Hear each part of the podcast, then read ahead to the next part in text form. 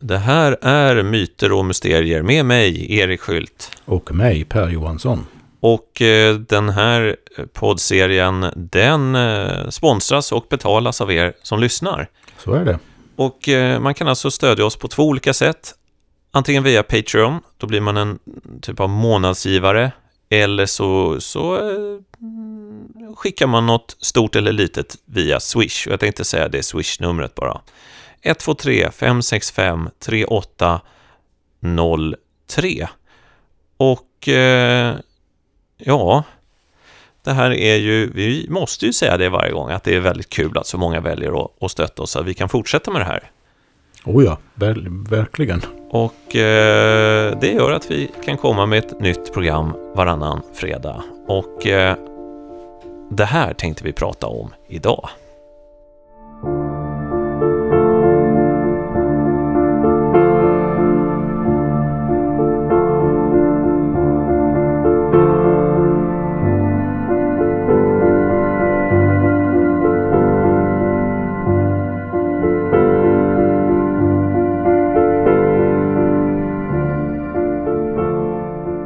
Vi börjar för 3000 år sedan i det gamla Egypten. Eh, I ett av de stora egyptiska templen i en tempelstad som idag kallas för Karnak, tror man säger. Där begravdes en kvinna som hette Henut Taui. Eh, hon var prästinna i ett av de här templen under den 21 dynastin. Eh, det var eh, ingen stor begravning tror man, men hennes kropp den eh, mumifierades och så lades den i en grav djupt nere i en utgrävning i öknen.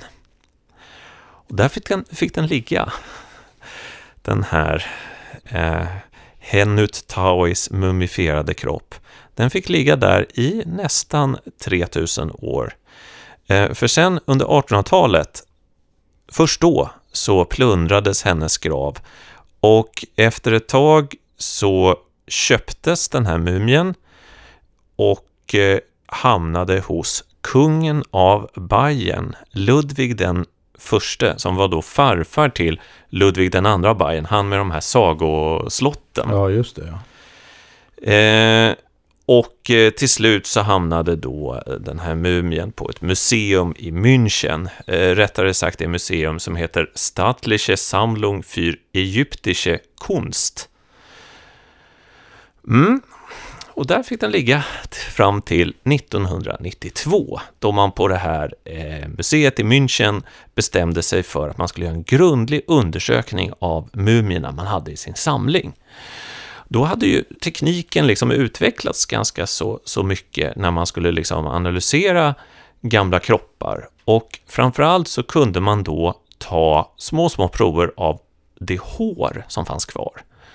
Och så kunde man skicka det till ett laboratorium och titta så här, hmm, det här håret, finns det några rester av liksom, kanske till man kunde hitta kanske någon spår av någon sjukdom eller vad den här personen hade ätit eller om det fanns några gifter i kroppen. Och eh, så gjorde man där 92 på det här museet. Och då skickade man de här proverna, man klippte lite hår från mumien och skickade det till en toxikolog som hette Svetla Balabanova och som då inte alls var någon typ av egyptolog, utan eh, sysslade mycket med sådana brottsplatsundersökningar. Man hittade något hårstrå och så kunde man sända det till henne och så kunde hon säga mm, ja, men det fanns det här och det här i det här hårstrået. Men hon fick då hår från den här mumien som tillhörde prästinnan Henut Taui. Och eh, ja, hon körde håret genom sina vanliga procedurer för att hitta, titta vad som kan ha funnits för rester av andra saker i det här håret. Och då gjorde hon den här nästan skrämmande upptäckten. Mycket, mycket märkligt. Hon hittade två substanser i håret som inte borde vara där. Kokain och nikotin. Jaha, minsann ja. Mm. Ja, och varför, eh, varför tror du att det här är så häpnadsväckande? Ja, det, det man först kommer att tänka på är naturligtvis att eh, både att kokaplantan och tobak kommer från nya världen. Det vill säga från Sydamerika. Amerika. Och eh, det här var ju någonting som då enligt vår vanliga historieskrivning kom till, till Europa först. Ja, 1500-talet och framåt. Jag tror kokain i, i pulverform kom inte förrän på 1800-talet. Mm. För att det är svårt att forsla de här kokabladen så, de ruttnar liksom. Så ska man göra kokain som man använder som drog var man tvungen att göra ett pulver som, som höll eh, för den färden. Och det, det var först på 1800-talet som det kom. Det var ju medicin först faktiskt. Sen insåg man att det var rätt farligt och beroendeframkallande. Men eh, när den här toxikologen då, Svetla Balabanova, eh, kom med den här undersökningen, först så blev hon ju jätteförvånad själv. Eh, det här måste vara något fel. Så att hon gjorde om eh, testet och så skickade hon det till tre olika labb. Eh, men varje gång så kom samma resultat fram. Jo, nej, men det är, det är nikotin och eh, kokain i de här proverna. Ja, mm. hon skrev då ett sånt paper som man gör i forskarvärlden ibland och det publicerades. Och hon möttes då med en massiv kritik från eh, kunniga i ämnet. Det här måste vara fel, sa alla. Eh, det kan inte stämma. Och eh, vissa dömde ut henne bara som en bluff då, eh, men andra var lite snällare och sa, ja, nej, men antingen har det skett eh, två misstag här. Eh, det kan ha varit att, att provet på någonting har blivit, eh, att det har blivit kontaminerat i nutid, alltså från att det tagits från eh, mumien tills det hamnar i labbet. Det andra är lite mer avancerat, det är att mumien kanske inte är så gammal som man tror. Det kan ju låta lite, lite konstigt. Vad då är det inte här en gammal egyptisk mumie? Nej, det visar sig att Europa har haft rätt mycket problem med förfalskade mumier. Mm, det. Och det här börjar redan på 1500-talet och är en ganska makaber historia.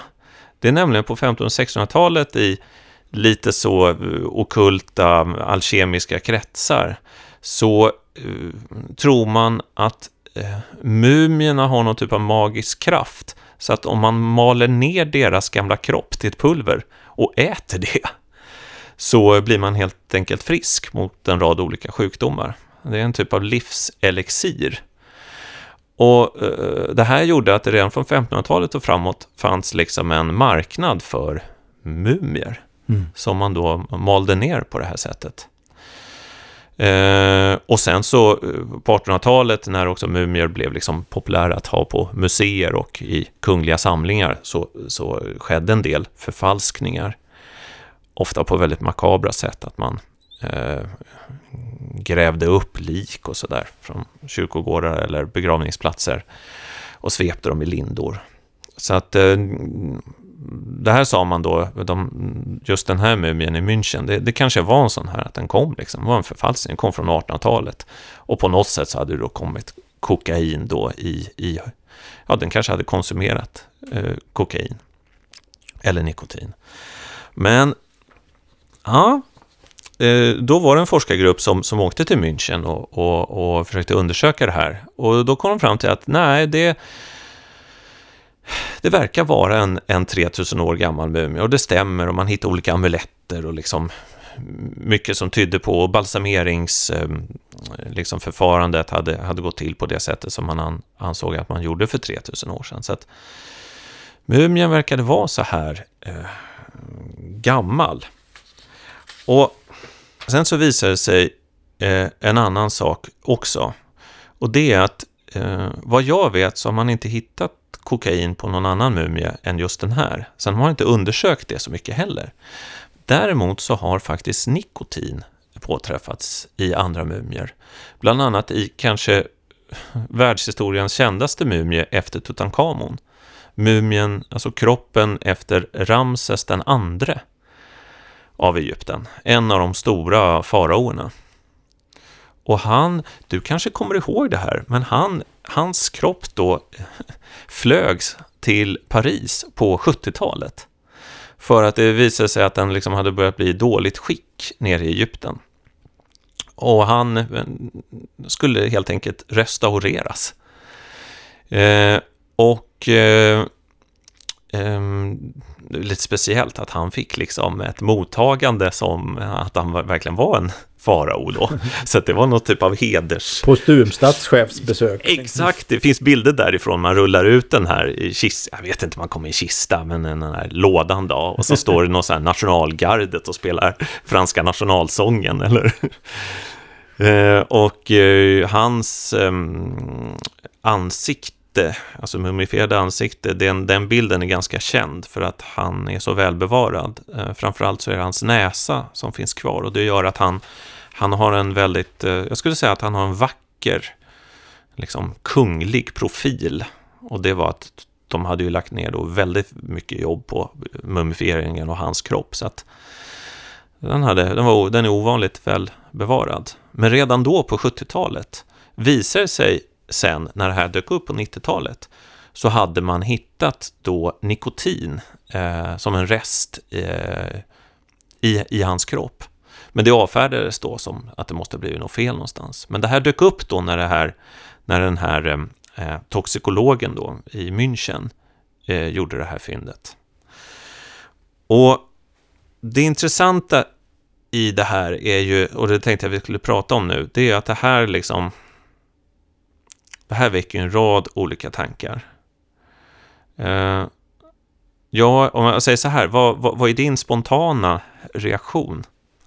Den, den, spontana reaktionen när man först hör detta är ju, och det vet jag ju att eh, det har spekulerats vidare kring. Det är ju, jaha, spår av Kokain och nikotin i en mumie, 3000 år gammal. Kokain och nikotin kommer från Amerika. Hur har det kommit dit då undrar man ju.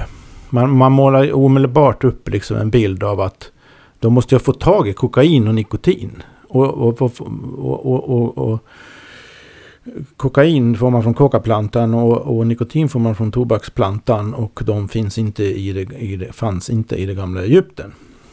Eh, är, är, är, tänker man först då. Ja, har man alltså haft någon sorts förbindelse med Amerika? Och det är många som har sprungit iväg med den tanken har jag sett. Eh, vilket inte har mottagits sådär omedelbart välvilligt från, från eh, etablerat historikerhåll så att säga. Den här frågan går ju långt utöver eh, egyptologi i, i en mera strikt mening och, och, och handlar om handlar om huruvida det har förekommit ja, i princip handelsförbindelser mellan afrikanska kontinenten och den amerikanska dubbelkontinenten. Vare sig det nu är Sydamerika eller Mellanamerika eller vad det kan ha varit.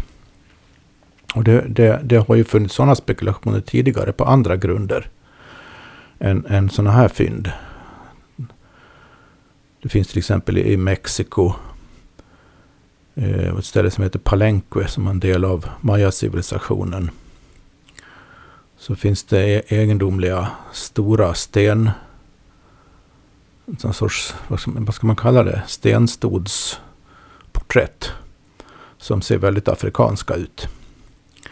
Det finns också, jag minns inte på rak arm om det var där, men på andra ställen i, i, i de trakterna. Eh, vad som verkar vara avbildningar av elefanter. Och där finns det ju två möjliga spekulationsriktningar i och för sig. Antingen så har man, är det afrikanska elefanter då som man har känt till att det fanns. Genom att det har varit förbindelser mellan Mellanamerika och Afrika. Eller också är det någon sorts minnen av av de elefanter som faktiskt, eh, elefantliknande djur kan man kalla dem, som faktiskt har funnits i Amerika. Så, så sent som för typ 11 000 år sedan. Ehm, och det skulle möjligen rucka på dateringarna eller också skulle det kunna vara just minnen. Liksom. Alltså min, minnesbilder bokstavligen som har traderats av någon anledning. Så att det, det, finns ju flera möjliga förklaringar. Och det är ju lite grann kanske problemet här också nu då. Vi kan, vi kan återkomma till det, andra möjliga förklaringar. Men det, det, det, som, det som man omedelbart konfronteras med med en sån här frågeställning. Det är ju att här har du då ett... Och du har liksom två komponenter här, vetenskapligt sett. Du har ett, ett, ett konstaterat faktum. Det finns rester av någonting som om det hade varit en rättegång skulle kunna ha lett till en fällande dom i, i, i en domstol. Mm. Jo, men den här personen har konsumerat kokain. Det ligger ju det som är närmast till hands i vår tid. Ja, och det, det sa också den här toxikologen och även eh, de som arbetade med henne att det här som vi har kommit fram till här, det hade lett till en fällande dom. Det sa man, att det är så här, det är så här vi gör. Alltså om, om vi tar ditt hår, klipper lite av ditt hår när du blir häktad för eh, kokaininnehav då, eller någonting, då, då, då skulle vi eh, kunna fastslå att du hade kokain i kroppen. Så, så där har du då själva faktumet. Så den andra komponenten är ju då förklaringen. Alltså ramen man stoppar in det här faktumet i. För faktumet i sig säger ju... I, det, alltså eftersom tanken springer iväg så fort här nu då till Amerika på en gång.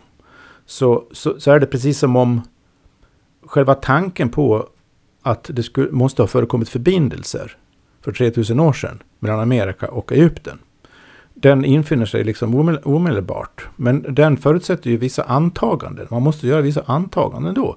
Som är mycket mer vidsträckta. Och som har med hur man ser på den egyptiska historien och kulturen och teknik, tekniken och, och, och båtarna och, och alltihopa.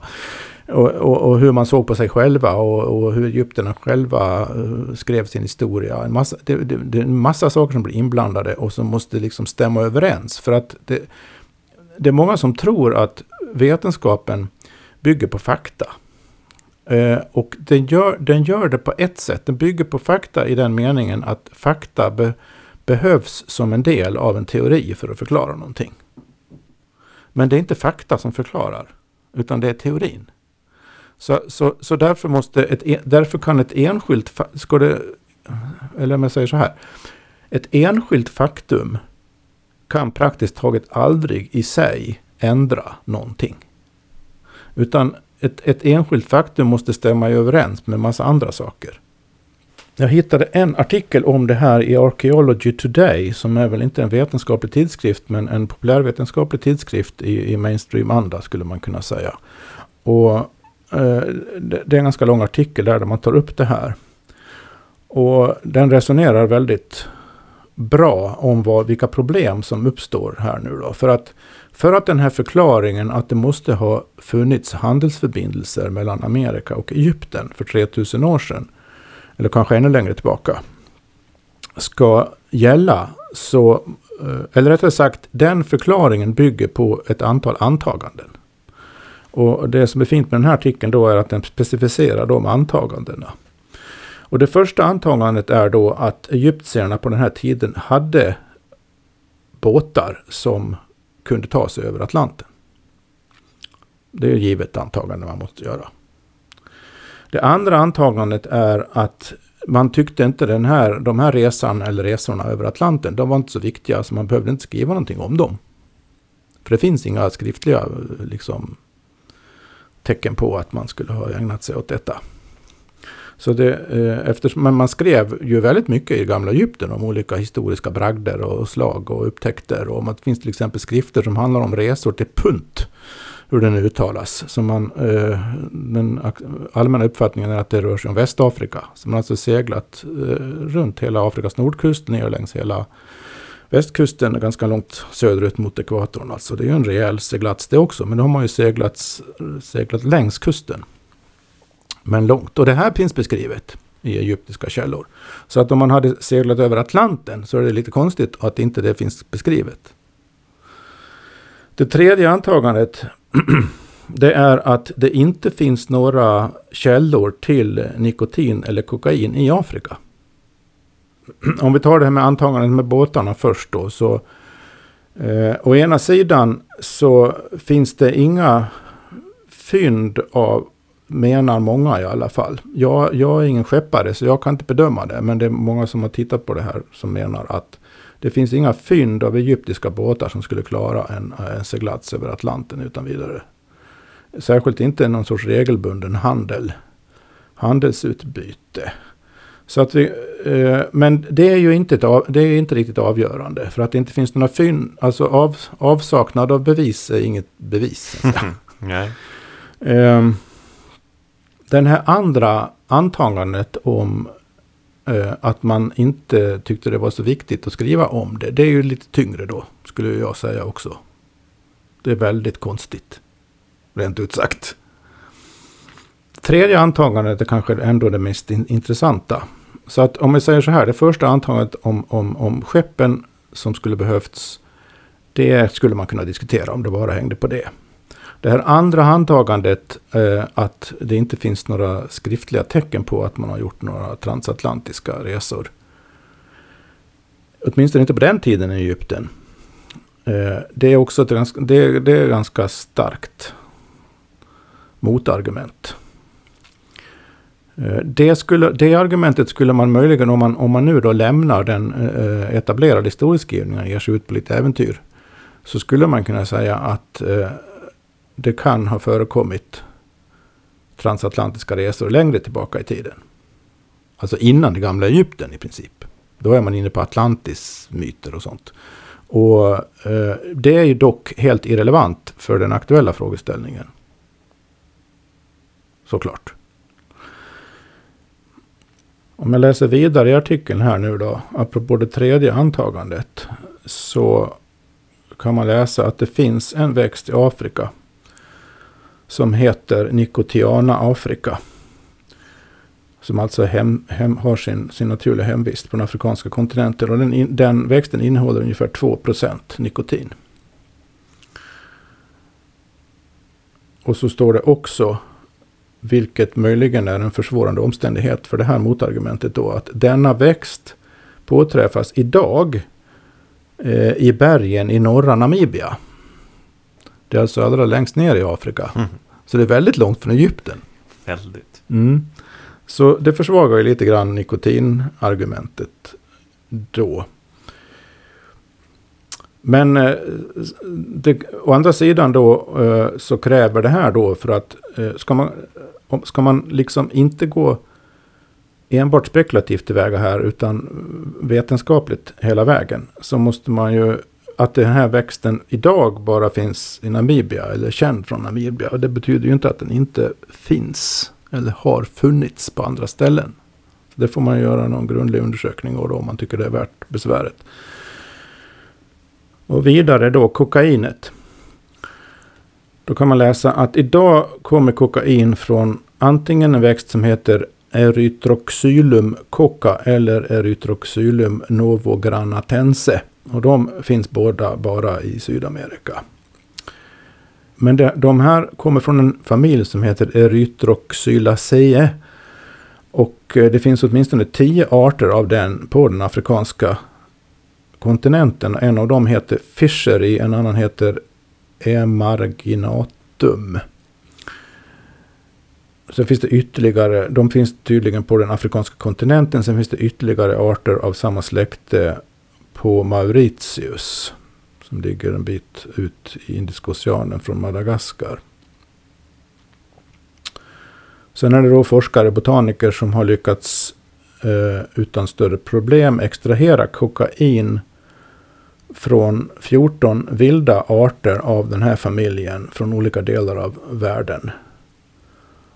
Däremot har den här, de här forskarna inte kollat de afrikanska arterna i den studien som det refereras till. Men i princip så om det finns nu då erythroxylumarter i Afrika som innehåller någon mängd av det som man kan göra kokain av. Så skulle det kunna vara tillgängligt på det gamla Egyptens tid. Det här kan man ju gräva vidare i då. Va? Så vad vi har här, antingen är det frågan om det finns ju eh, säkerligen mera källor att läsa om, om detta om man vill gräva ner sig på allvar. Men jag tycker de här eh, resonemanget om antagandena man måste göra är intressant. För det, det visar på, på, på, på någonting som ofta saknas i de här, eh, låt oss kalla det alternativarkeologiska teorierna. Att, att man, man har ett faktum och så lägger man oerhört stor vikt vid detta faktum. Och så passar man in det faktum i en teori som man av någon anledning hellre vill tro på än de existerande teorierna. Och i vissa fall, som i det här fallet då, så eh, blir det antagandet ganska svagt. Alltså det, den kritiska udden i det här kokainfaktumet är inte sådär jättestark. Om vi jämför det med de här, de här geologiska undersökningarna, apropå sfinxens ålder, mm. det... då, då, då, då skulle jag säga att där har du ett faktum som är mycket svårare att avfärda. Mm. Det där, det, Eller det, komma med motargument. För att man, alltså geologi måste man ta på allvar. Om, om det geologer säger mm. om andra saker som ser ut som basen på sfinxen. Då, då ska det mycket till att kullkasta hela geologin för att säga emot. Så att säga. Det där är intressant för att eh, när du pratade nu så dök det exemplet faktiskt upp i mitt huvud. Då skulle jag säga så här att okej, okay, eh,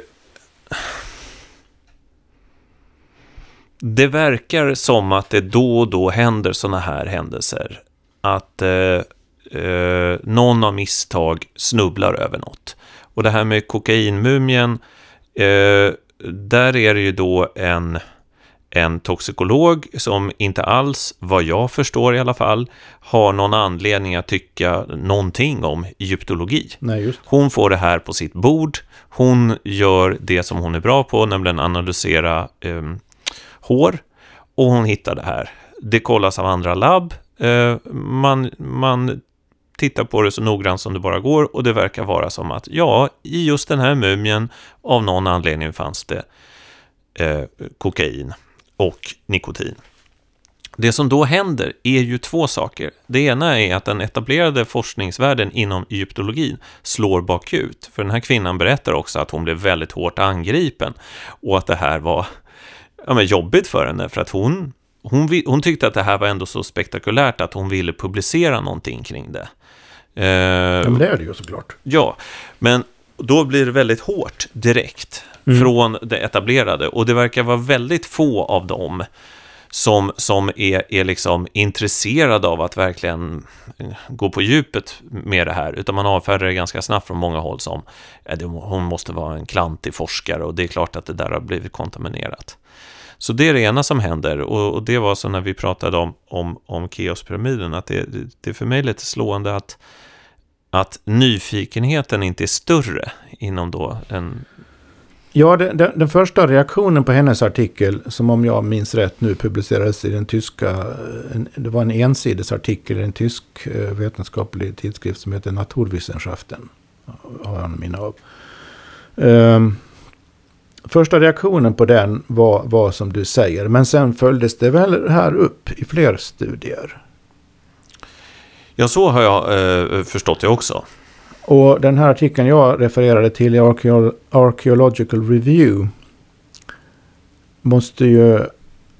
Det, det, var ju, det var ju, den, var ju, den är ju inte aggressiv överhuvudtaget, den bara liksom resonerar. Mm. Den, den drar fram, den refererar för bakgrunden ungefär som du har gjort och, och eh, den, den resonerar, jaha det här var ju intressant, men hur ska man tänka på det här? Eh, och jag har ju nämnt de här antagandena man måste göra då. Mm. Som, enligt den artikeln. Och jag, mm. jag håller med om det. För att det här, det här påminner ju väldigt mycket om, om, om hur, man, hur man resonerar när man studerar arkeologi. Eller för den delen historia. Men särskilt arkeologi. För ar arkeologi är ju speciellt... Egyptologi i och för sig är ju, är, är, är ju både egyptologi, gammal, när man studerar gamla Rom och så vidare, där finns det ju en stark arkeologisk del. Det vill säga man, man eh, har en massa materiella fynd. Det är det arkeologin, arkeologins specialitet är ju att hitta och tolka materiella fynd. Mm. Alltså icke-skriftliga fynd. Mm. Mm. Och man kan bedriva arkeologi eh, oavsett vilken tidsperiod det är. Ofta tänker man på arkeologi när man, så tänker man ehm, eh, forntiden. Och det beror ju på att före skriftspråkets, före kända skriftspråk så, så har man inget annat att gå på. Så då blir ju allting arkeologi. Men man kan ju bedriva arkeologi även i modern tid. Det finns industriarkeologi som disciplin till exempel, som gräver ut gamla industriområden från 1700-1800-talet. Och ofta ger lite andra, helt andra upplysningar än vad som finns i de skriftna källorna. Till och med kan kullkasta vissa idéer. Så det är väldigt intressant. Och medeltidsarkeologi har vi också. Det finns skriftliga källor också. Inte så mycket i Sverige men i andra länder. Och eh, eh så, så, så de, den här typen av eh, resonemang som går ut på att man identifierar vilka antaganden man måste göra för att en viss hypotes ska, ska vara giltig. Det, det är, så, så, gör man ju när man ska göra en arkeologisk tolkning om man ska gå vetenskapligt tillväga. Oavsett om det är egyptologi eller någonting, eller någonting annat. Och, och, och, och om de antagandena då som man måste gå med på visar sig svaga, ett eller flera av dem visar sig svaga, då, då, då, då tappar det här faktumet status så att säga. Men det är inte någonting som, som är lite speciellt och det kanske händer inom alla forskningsområden hela tiden. Men särskilt med allt som har eh, med det gamla Egypten att göra, det är att eh, det, finns ett motstånd från etablerad egyptologi. Men sen så finns det den andra sidan som direkt också vill spinna på det här. Ja.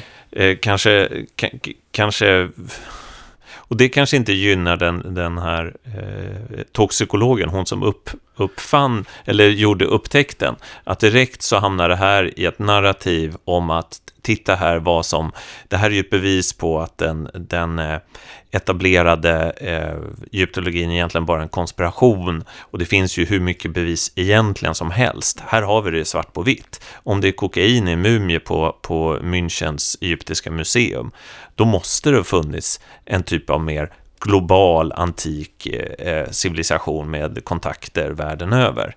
Och det där går ju också väldigt snabbt.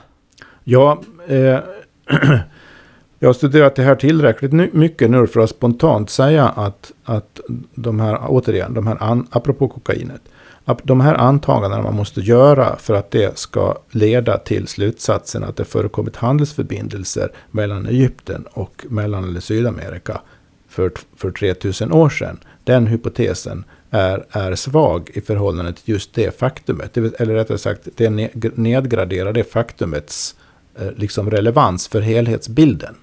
Så kan man uttrycka det. Däremot, som jag sa igen då, sfinxen är mm. en annan sak, så vitt jag kan Just bedöma. Det, för, där, för, att, mm. för att eh, när det gäller sfinxen, motargumentet mot att den här äldre åldersbestämningen, där grundad på geologiska grejer, motargumenten mot den kräver en motsvarande sak från egyptologin som jag just sa apropå kokainet. Nämligen mm. att man måste göra vissa antaganden. Och de antaganden man då måste göra, de innebär att man ifrågasätter all konventionell geologi när det gäller eh, vad heter det? Eh, erosion och sånt. Va? Och vatten, vattenpåverkan. Vi, vi, vi, måste gå in i det här exemplet. För att orsaken att jag... jag ja, men jag ska säga en sak mm. apropå det. För att, och det är ju det, är det här svinksrelaterade grejerna, sånt som har med pyramiden att göra också, mycket annat i gamla Egypten. Det är ju det, är det som är bakgrunden till att det finns ett annat narrativ än det ortodoxa, om man kallar det för det. Mm. Och det är ju det narrativet som är, står berett, så att säga, när det dyker upp en sån här kokain, det här med kokainet så, så, så, är det det narrativet som de som redan är kritiska mot egyptologi. Och ytterligare en grej. Och mm. felet man gör då är, är, är ju i så fall om, om det finns mindre fog för den här kokainhypotesen så att säga. Just Eller handelshypotesen grundad på kokain. Felet man då gör är ju att man klumpar ihop saker av, av väldigt olika dig, dignitet. Mm. Men vi, vi måste bara benämna vad det här med svingsen och erosionen ha, handlar om. Jag vet att vi har tagit upp det för länge sedan. Men det är ju, alltså, som jag minns det så är det lite likt det här med eh, eh, kokain, mumien på så sätt att det kommer in forskare från en annan disciplin som egentligen inte har någonting med egyptologin att göra. Och så tittar de på då eh, sten de tittar på eh, runt svingsen, på svingsen och runt svingsen. Svingsen är ju liksom nergrävd i eh, Ja, man har ju grävt fram den i modern tid. Den ja, var ju fylld av var ju sand långt precis, upp, den, rakt in på 1800-talet. Ja, precis. Då var det ju väl bara liksom huvudet som stack fram och så har man grävt fram mer och mer. Och där man ser då, eh, både på svingsen och runt svingsen, är då en typ av erosion i den här eh, stenen. Och där kan då geologerna säga att den här erosionen, den kan bara, och det har man gjort till och med i olika typer av blindtester. Man går till, eh, till då eh, geologer och eh, tagit foton där man inte ser att det är sfinxen och så får de kommentera hur har det här då geologiskt, eh, den här erosionen uppkommit och då säger de ja det här är ett ganska det här är en region där det regnar ofta och mycket och det måste vara någon typ av ja, det måste vara mycket eh, nederbörd helt enkelt. Och sen så vecklar de ut eh, hela bilden och säger titta det är ju på, på eh, Sfinxen i, i Egypten, mitt ute i öknen, där regnar det ju aldrig. Hmm. Och då så är då det, det alternativa narrativet är väl att Sfinxen måste vara mycket äldre än vad man ja, tror. Typ 10-12 tusen år eller något sånt. Exakt, ja. Och då, för att eh, för 10-12 tusen år sedan så hade Sahara inte brett ut sig på samma sätt och Nilen gick annorlunda och det här var en ja, mer då eh, region på det den tiden. Det regnade mer. Mm, det exakt. var grönt. Det var grönt överallt. Och det är ju då en del av det här alternativa, den, den, den alternativa egyptologin som säger att de här sakerna är mycket äldre än vad man tror. Sen är det ju något märkligt med just egyptologi. För att ja. Eh, generellt när det gäller arkeologi. Alltså jag, jag, jag var ju involverad i arkeologiska studier under ett antal år och samarbetade med arkeologer och hade mycket diskussioner med arkeologer och sådär. Och, så jag, jag har en ganska god bild, vågar jag nog påstå, om, om hur arkeologi bedrivs man är, man är...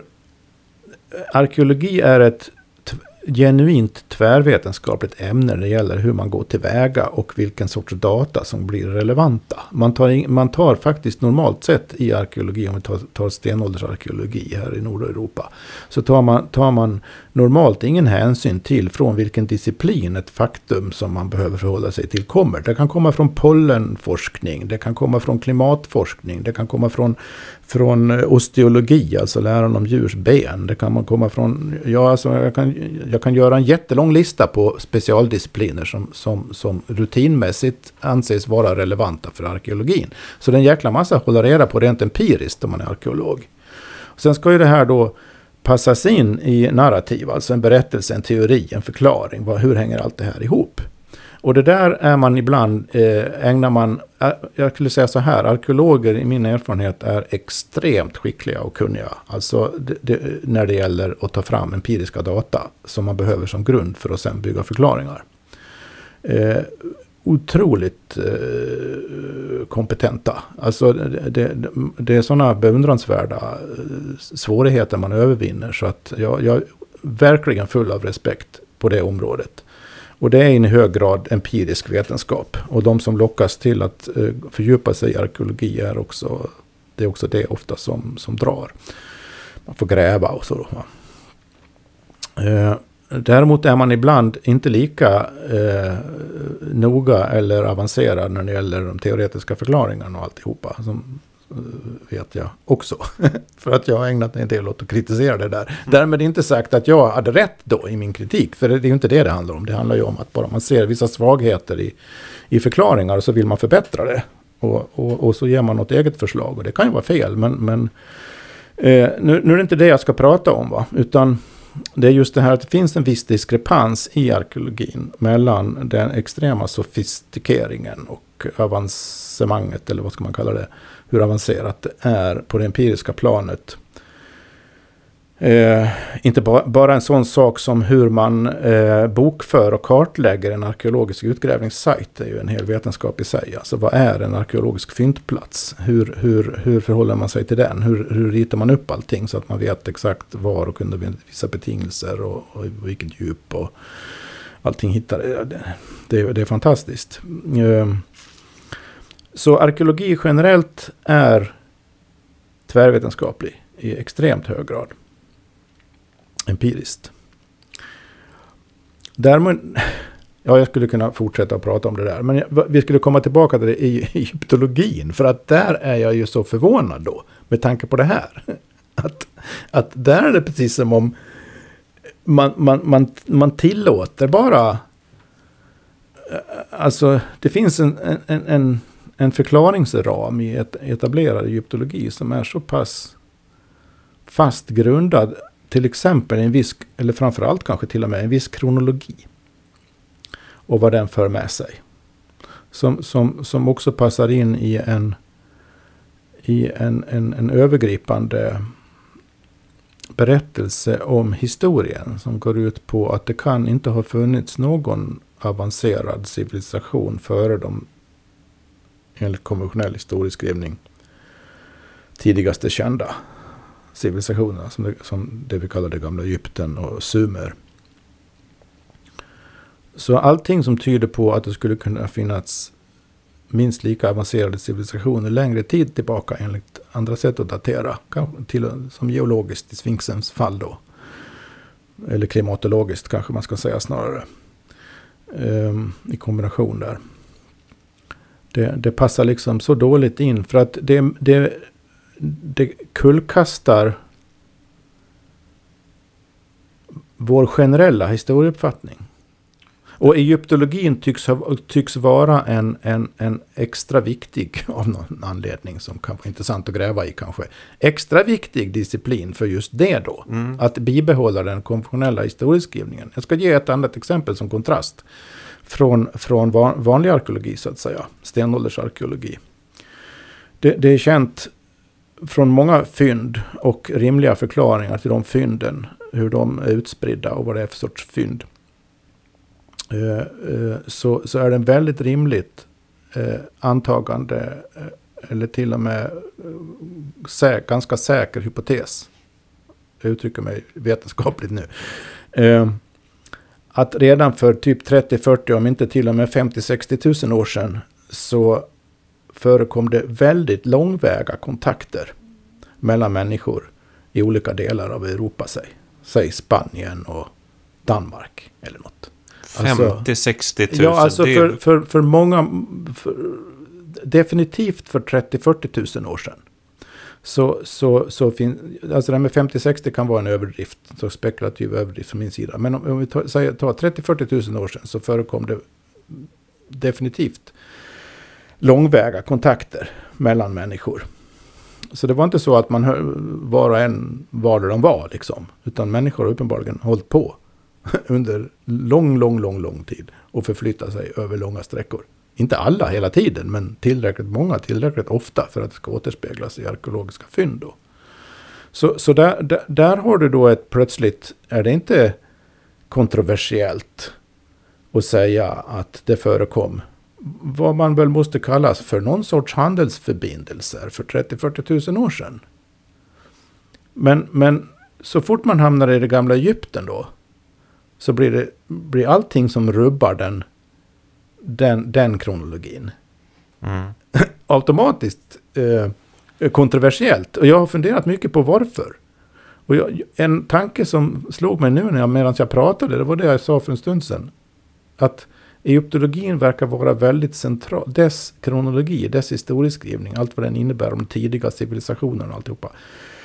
Är, är, är jätteviktig för att upprätthålla vår eh, vår konventionella syn på människans äldre historia. Mm. Också... Att under lång, lång, lång tid så var vi inom citationstecken primitiva. Ja. Och då ignorerar man alla tecken som finns på att vi var inte alls primitiva för 30 000 år sedan heller. Det ignorerar man ju då. Va? Nu visserligen finns det inga, finns det inga lämningar från, från stora städer och sånt där. Men å andra sidan var det en istid emellan där också. Så vem vet vad den kan ställa till med. Men är det inte... Och så vidare och så vidare. Men just när det gäller Egypten så blir det blir, blir det någon sorts central grej som ifrågasätts om man, om man försöker rubba det. För att om jag tittar på, alltså jag måste erkänna att jag eh, med stigande ålder kanske jag, ska, jag kanske ska säga, tycker att det här blir mer och mer intressant. Eh, och det är ju... Hur ska jag säga det här på rätt sätt? Alltså, i den alternativa historieskrivningen här, som, som eh, i alla fall leker med tanken att det före antikens civilisationer finns något annat som är eh, lika högt stående eller högre. Det är någonting med den idén som känns rätt. Det är också någonting med idén om den stora katastrofen som också känns rätt. Mm. Jag kan inte säga mer än så. Och den stora katastrofen vill då många mena, det, det är det som vi har, har pratat om ganska många gånger. Det är det som är floden eller översvämningarna, alltså det som är, omnämns i, i gamla mytologier och eh, ja, det är Noaks ark i, i Bibeln. Alltså någon, någon typ av omstart sker. Det finns ett, ett, en, eh, den gamla historien och sen så sker den här eh, omstarten och sen så finns den nya historien. Och, och ju mer jag, eh, jag eh, grottar ner mig i det här så förstår jag att det finns ju den här stora, stora förändringen som, som eh, är absolut vetenskapligt belagd eh, till 100 procent och det är ju istiden. Där då eh, isen plötsligt, ganska så hastigt vad jag förstår, börjar dra sig tillbaka för, är det 12 000 år sedan ungefär. Och när det sker så måste ju det ha, ha förändrat liksom, jordytan på många sätt. För det är så otroligt mycket vatten som är då bundet kring eh, norra och södra, eh, alltså kring nord och sydpolen och, och eh, stora områden. Ja, hela Sverige var ju täckt med is till exempel. Eh, men under samma period så kunde man ju gå, alltså det, det är ju det här, den här stora landytan eh, upp mot, England var ju inte en ö till exempel. Mm. Så där har en enorm, det som är Nordsjön, är en enorm landyta som var land på den tiden. Och det finns ju andra ställen på jorden där, där det såg helt annorlunda ut. Och idén då att, att de här då, att antingen att det är någonting som sätter igång istiden, att den sker väldigt snabbt, det finns ju sådana, någon typ av meteorit eller komet eller något sånt där som slår ner, kanske inte en komet, men någonting som slår ner på, på jorden som gör att istiden då drar igång, alltså slutet av den drar igång väldigt snabbt. Eh, och sen så finns det ju andra teorier om bara att det bildas stora, stora sötvattensjöar som kollapsar ungefär samtidigt och då dränker stora landytor. Och i det här skulle en tidigare tidigare civilisation då försvinna. Det är någonting i det här som, jag, jag kan inte säga mer än att det, det känns liksom rimligt på något sätt. Ja, det, det, det, det, finns ju inget, vad ska man säga, a priori, i förväg eh, orimligt i den tanken. Och det finns ju diverse mm, fynd som, som eh, verkar lättare att förklara med den, på den premissen än på den konventionella med den konventionella synen. Jag personligen är jag ju inte alls främmande för en sån möjlighet. Det som är, är intressant här är ju, förutom att det, det är ju fascinerande som, som sorts verklighetsbeskrivning, att historien är annorlunda än den har framställts som under lång tid. Det, det är ju fascinerande i sig, men det, det på ett, på ett annat plan, lite mer filosofiskt plan, så är ju är det, det, det minst lika intressanta varför det är så himla viktigt att upprätthålla en viss historiesyn. Vem tjänar på det? Mm. Måste man nästan fråga sig. Ja. Vad, vad, vad, vad handlar det om egentligen? Ja, vad handlar det om egentligen? Ja, jag har inget färdigt svar på det där. Alltså, jag skulle nästan föreslå att vi, vi att jag skulle nästan vilja gräva lite där i det här med just apropå eh, egyptologi. Varför varför blir just det så himla kontroversiellt? För att det, det är aggressivt kontroversiellt. Det är något skumt med just det gamla Egypten. Det, det verkar vara extra viktigt av flera skäl. Det skulle man kunna gräva i någon gång.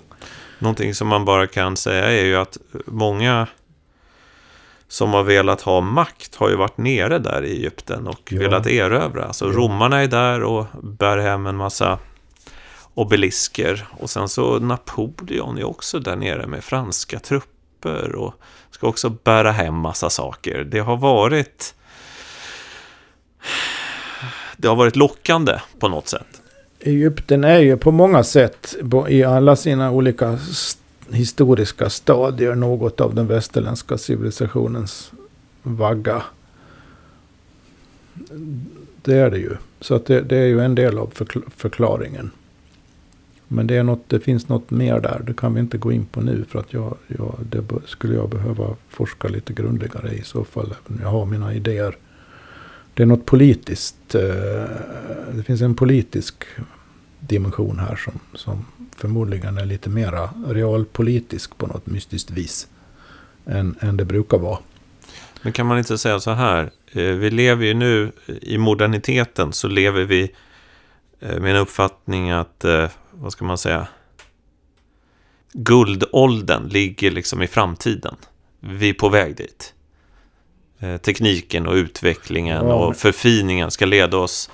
Men, så, men tidigare generationer, alltså ja, redan Platon talade ju om den förlorade guldåldern som skulle då hänga ihop med Atlantis. Det vill säga att det har redan, det, det höga, det högt stående har redan funnits.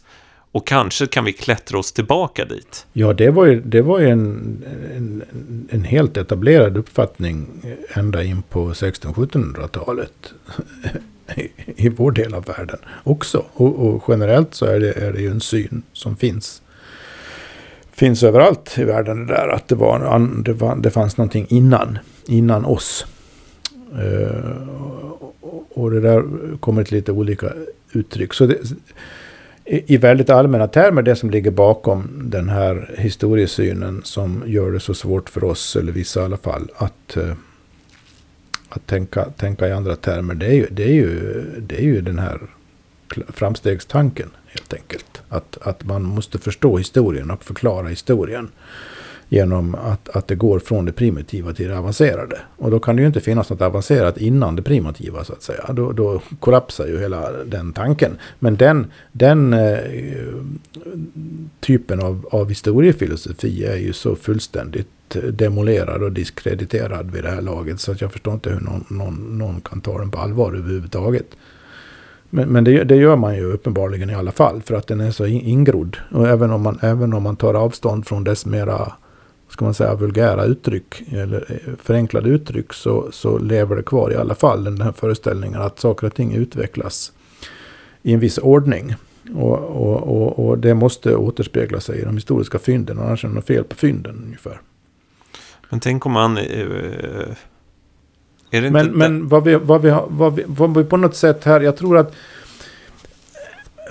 vad man behöver förstå här är hur otroligt styrande vissa grundföreställningar är för hur vi ser på tillvaron överhuvudtaget. Och, och de, de mest styrande av de föreställningarna, de är vi inte ens medvetna om. De, de, de, de har vi så, de är, för att vi har hört det sen vi var små. Vi har sett det i de flesta tv-program. Vi har hört det i de flesta radioprogram. Vi har, vi, vi har, vi har fått in, lära oss det i de flesta läro, i, i läroböcker. Alltså, och, och, och, massor av talesätt och begrepp och sätt att använda ord och sätt att se på tid. Alltså, det, det, är så inbakat i allting. Så att det inte, även om man skulle försöka tänka på ett annat sätt som jag till exempel menar att man måste tänka ekologiskt snarare än linjärt evolutionärt. Då, då tänker man väldigt annorlunda. Jag ska inte gå in på det nu då, för då blir det alldeles för långt. Eh, ger upphov till en helt annan historiesyn också. Och, och det, det, det, är jättesvårt för att man, man, man, kan inte, man måste lära om, man måste lära sig nya ord. Och man måste omvärdera eller omdefiniera betydelsen av, av, av vissa begrepp man har. Som automatiskt ger vissa associationer. Till exempel en viss kronologisk association. Ta ordet utveckling. Får för de flesta en, en nästan automatisk kronologisk association. Det behöver det inte få. Alls. Så, så, men, men det får det. Så, så, så, så fort man använder vissa sådana ord så, så är man liksom inne i en typ av tankevärld. Och för, för, att, för att skifta det då så behövs det mer än, än, än, än fakta. Det behövs en grundläggande om, liksom omvändelse i hela verklighetsuppfattningen. Och nu, nu pratar jag inte mystik eller något esoteriskt alls. Utan nu, nu det, det, det här är liksom bara rent uh, förnuftsmässigt. Men, men skulle man kunna kalla det här för alltså den djupa mytologin på något sätt? Ja. Alltså det som är så starkt så att vi i princip inte ser det. Vi kan inte se det för vi lever i det. Ja. Uppfattningar som den här eh, ja, med kronologin och den, ja, det vi har varit inne på här, utveckling från primitivt till avancerat. Ja, och hur vi använder begrepp. Mm. Som vi var inne på i något program i, i Sagorna-serien. Där, där eh, jag eh, nämnde lite grann om hur fast vi är i en aristotelisk kategorisering. Mm. När det gäller begrepp. Och det, det, spelar också jättestor roll här då. Va? För, för att om, om, om, om verkligheten, om man kommer närmare verkligheten, om man tänker i termer av överlappande och flytande och diffusa begrepp. Eh, snarare än i, i tydligt definierade ömsesidigt uteslutande begrepp. Då, då, då, om man är van vid det, och det är det vi är i moderna väst nu då. Vi, vi väst sen ja, slutet av medeltiden egentligen. Är, är, har, har vant sig att tänka i extremt i, i tydliga, klart definierade, ömsesidigt uteslutande begrepp. Då tycker vi så fort man använder, har en begreppsanvändning eller ett sätt att resonera som bygger på att saker och ting går ur och i varandra, förändras. Så tycker man det låter vagt och flummigt. Just det. Men att saker och ting går ut, ur, ut och ur och i varann och överlappar och är flytande och föränderliga. Vad man det är ju själva livet som är det. Så, så, så det här, det här, det här superdistinkta eh, kategoriserandet, det är ju ett sätt att så att säga försöka stoppa livet och göra det hanterligt. Men... I form av någon sorts begreppsliga byggklossar. Och det, där har du någonting som ligger ännu djupare då än själva det här kronologiska. Som mm. sen läggs på det också. Men det finns en annan aspekt som jag kommer på nu som är för mig och lika mystisk, det är att samtidigt som den här typen av uppdelningen i, i de här mer fasta kategorierna och att vi är fast i, i, i det är, blir tydligare och tydligare och nästan radikaliseras i vår tid så att det blir någonting väldigt förstelnat. Så är det som, det som, vad ska man säga, det, det som är det, det credo som man lär sig att man ska eh, bekänna, det är ju det gränsöverskridande. Alltså i, i en typ av både politisk och kulturell eh, eh samtida idétradition så är ju det gränsöverskridande någonting som hela tiden uppmuntras. Det måste ju... Inte, ja, det, det där, det, det där måste, är en chimär, en ren precis, chimär. Det måste vara någonting som upp, uppstår, alltså den, den falska uppmuntran till det gränsöverskridande måste ju uppstå för att den reella möjligheten till ett djupt gränsöverskridande är så litet. Förstår du? Ja, här tror jag man gör, måste göra någon, nästan någon eh, eh, makt, rent maktpolitisk analys och fråga sig vem tjänar på att, att, att sprida idén om att gränsöverskridande är bra och vad sjutton är det man egentligen menar då? Och, och eh, för att alla som har försökt att verkligen tänka och verka reellt grundat djupt på allvar gränsöverskridande, har upptäckt att det går nästan inte. Nej. Det, det, är nästan omöjligt. Bara, bara, bara, bara inom vetenskapen har vi ju nu konstaterat att väldigt ytligt men dock. Det, det, att, det säkert, att, att, det, går inte riktigt. Det har säkert varit svårt i alla tider, men det verkar som att det är extra svårt nu. Alltså normen nu är ju att saker och ting hänger inte ihop. Saker och ting, saker och ting um, är, är separata från varandra. Eh, och, och, alla försöker knyta ihop det misstänkliggörs på, på olika sätt. Så att du, du, har, du har egentligen en, en, någon sorts eh, ehm, dub, dubbelhet här. Å en, ena sidan så är det av någon anledning ideologiskt gångbart från vissa intressens synpunkt och betona, betona sådana saker som gränsöverskridande och mångfald och så vidare. Men å andra sidan om man, om man verkligen tänker och agerar så på ett mera strikt sätt så märker man att samma intressen som säger sig vara för det egentligen är emot det. I, på, på universiteten i, inom, inom forskningen så har man i decennier sagt att eh, det vore väldigt bra om man kunde bli mer tvärvetenskaplig. Och göra möjliga festtal och antologier och så vidare så främjar man det där. Men alla som har varit på universiteten och försökt bedriva någon sorts mer avancerad tvärvetenskap vet att det är väldigt svårt. För att var ska man göra det? Alla de olika disciplinerna, ämnena, är ju specialiserade.